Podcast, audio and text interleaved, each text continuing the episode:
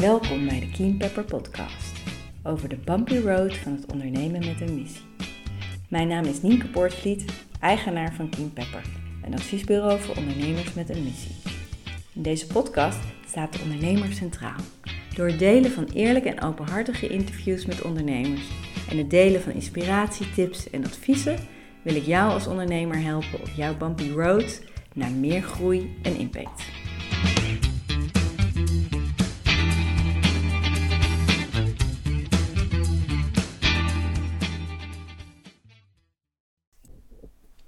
Welkom bij de 31ste aflevering van de King Pepper Podcast. In deze aflevering uh, wil ik het met jullie hebben over het standaardiseren van je producten en diensten. En de reden dat ik daar um, deze aflevering aan wil wijden is dat ik uh, onlangs in twee trajecten met ondernemers uh, dezezelfde vraag kwam: van hoe kun ik, kan ik nou, als ik ga opschalen en professionaliseren, mijn, mijn diensten standaardiseren. beide ondernemers werkten heel erg op maat. En, vanuit een, de boden een traject aan, een cursus, een, een ontwikkeltraject. En deden dat dus echt helemaal op maat gesneden naar de behoeften van de afnemer, de behoeften van de klant. En dan, als je dat gewend bent om altijd zo te doen, dan is het eh, ja, best moeilijk voorstelbaar hoe je dan zo dat standaardiseert. Hoe maak je daar nou een wat meer standaard proces van? En waarom zou je dat willen? En, en bij beide gold van ja, op het moment dat je dus wil gaan opschalen, wil gaan groeien en je gaat werken met een team en je breidt je team uit, dan is het gewoon onvermijdelijk om te gaan standaardiseren. Dan moet je op een gegeven moment naar een meer, een meer gestructureerde manier van werken en kan je niet meer zo helemaal alles op, precies op maat maken, want dat is gewoon heel moeilijk schaalbaar. En dat was ook precies de, waar beide ondernemers tegenaan liepen. Dat ze aanliepen tegen de grenzen van hun groei. En dat had met verschillende dingen te maken, maar ook met het, uh, ja, het, het steeds heel erg op maat werken. Ja, soms wat meer ad hoc, weinig daarin gestandardiseerd en gestructureerd. En dat is interessant, want dat, is, zie ik heel vaak in de praktijk. Dat is ook heel logisch, want je begint iets, je start iets en je gaat dingen uitproberen. En dan ontstaat er ook een manier van werken. En zeker in zo'n start-up fase, dan is dat die manier van werken vaak, ja, er zit enorme kracht en energie en, en innovatie. Maar ja, nog niet zoveel structuur. En het is dan zeker vanaf het begin af aan niet gestandaardiseerd. Je bent dingen aan het uitproberen, je kijkt wat werkt. Maar op een gegeven moment komt er een punt waar je dan dus tegen de grens van je groei aanloopt. En dat gold voor beide ondernemers in dit traject. En een extra reden om het hier vandaag met jullie over te hebben, is van hè, hoe, hoe, doe je dat nou en waarom zou je dat willen, is dat ik zelf ook in zo'n proces zit. Want ik heb jullie al eerder verteld dat ik zelf bezig ben met het uh, vertalen van mijn kennis en ervaring van de afgelopen jaren naar uh, online programma's. En dat is natuurlijk het standaardiseren van je, van, van je producten, van je diensten. Want ik werk uh, heb altijd één op één gewerkt, waarin ik heel erg intune op de ondernemer, wat is er nodig, hè, het fondsenwerven vanuit, wat, dat is voor nooit een op zichzelf staand iets. Dus wat is er nodig qua strategie, waar sta je als ondernemer, hoe wil je verder groeien en op wat, wat voor rol speelt daar die fondsenwerving in.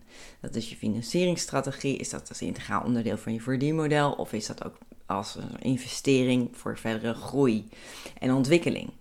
Dus dat is een, een, een, altijd heel erg ook op maat gemaakt. Intunen waar die ondernemer staat, waar de behoefte aan is, waar er in geïnvesteerd moet worden om verder te groeien. En dan kijken ook wat de rol van fondsenwerver daarin is. En wat, waar, op wat, welke manier daarin eh, optimaal kan samengewerkt worden met, met, uh, fondsen, met maatschappelijke fondsen.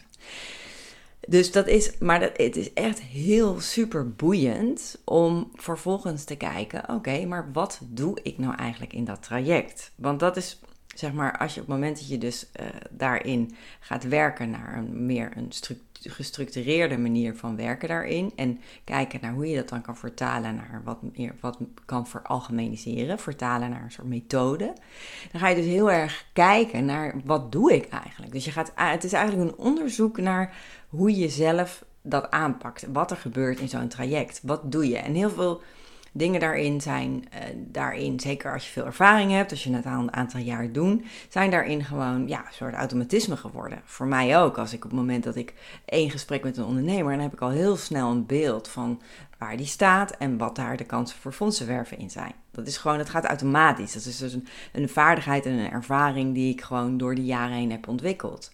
Dus het is, dat gaat bijna, zeg maar, ja, semi-bewust. En op het moment dat ik het dus nu aan het vertalen ben naar een online programma, ga ik dus heel erg kijken naar, oké, maar wat is nou precies, welke stapjes zet ik daar nou precies in? En hoe kan je dat gewoon dan, wat is daarin mijn methode?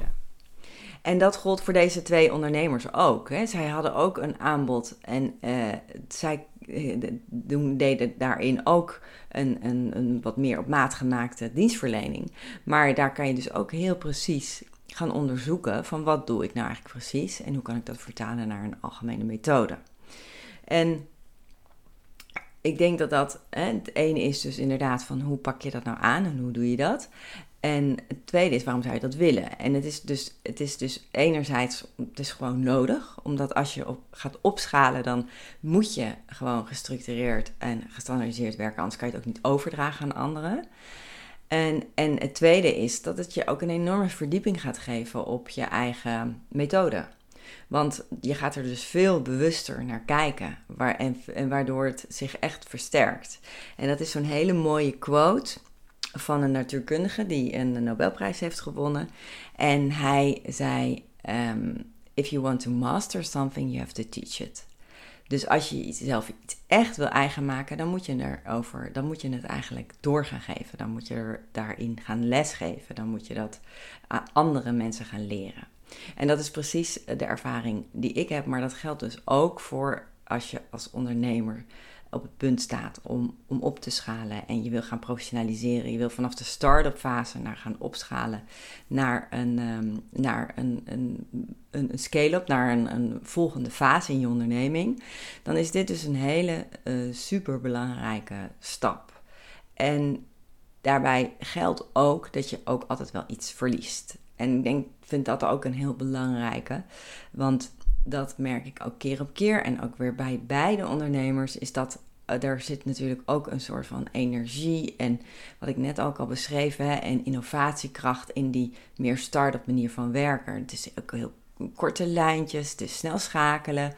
En door meer te gaan standaardiseren, dat geldt zowel voor je producten als bijvoorbeeld voor je interne processen, door er wat meer structuur in aan te brengen, verlies je ook iets. En dat is ook goed om daar gewoon, om dat te benoemen en daar bewust van te zijn. Want dat kan soms ook een blokkade zijn om daadwerkelijk door te groeien.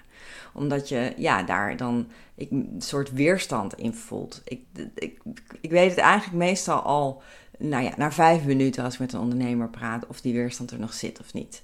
Want dat is, en het is, en het is, ik benoem het ook altijd. Uh, en dat is gewoon belangrijk, omdat je daarmee dan daar ook weer mee kan gaan werken. Uh, in plaats van dat je daar uh, tegen een soort van onzichtbaar blok uh, steeds wordt tegengehouden daarin.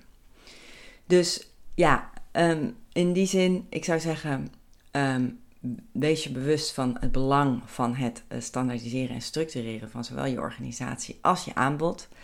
En wees daarbij ook bewust van dat het moment dat je daarin zit en je gaat die stap maken, dat het ook altijd een bepaald verlies in zich draagt.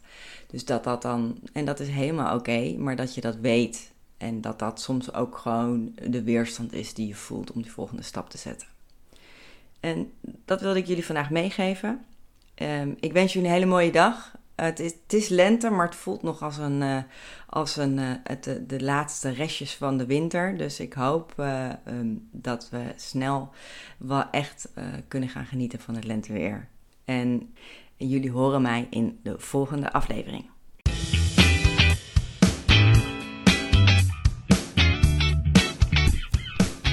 Dank voor het luisteren naar de Keen Pepper podcast. Als je deze podcast interessant vindt kan je je via jouw podcast-app abonneren via de button subscribe of abonneren. Elke keer als er een nieuwe aflevering wordt gepubliceerd, ontvang je dan automatisch een berichtje. Je kan via de podcast-app ook een review achterlaten, dan kunnen nog meer mensen de podcast vinden. Als je iemand kent voor wie deze podcast ook interessant is, kan je de podcast ook delen via een eenvoudig linkje via Spotify bijvoorbeeld. En last but not least, ik vind het super leuk om berichtjes te ontvangen van luisteraars. Dus laat het vooral weten als je vragen hebt, opmerkingen of suggesties, of als je een belangrijk inzicht hebt gekregen door de podcast. Je kan mij bereiken op info@keenpepper.nl. Nogmaals, heel erg bedankt voor het luisteren en tot de volgende aflevering.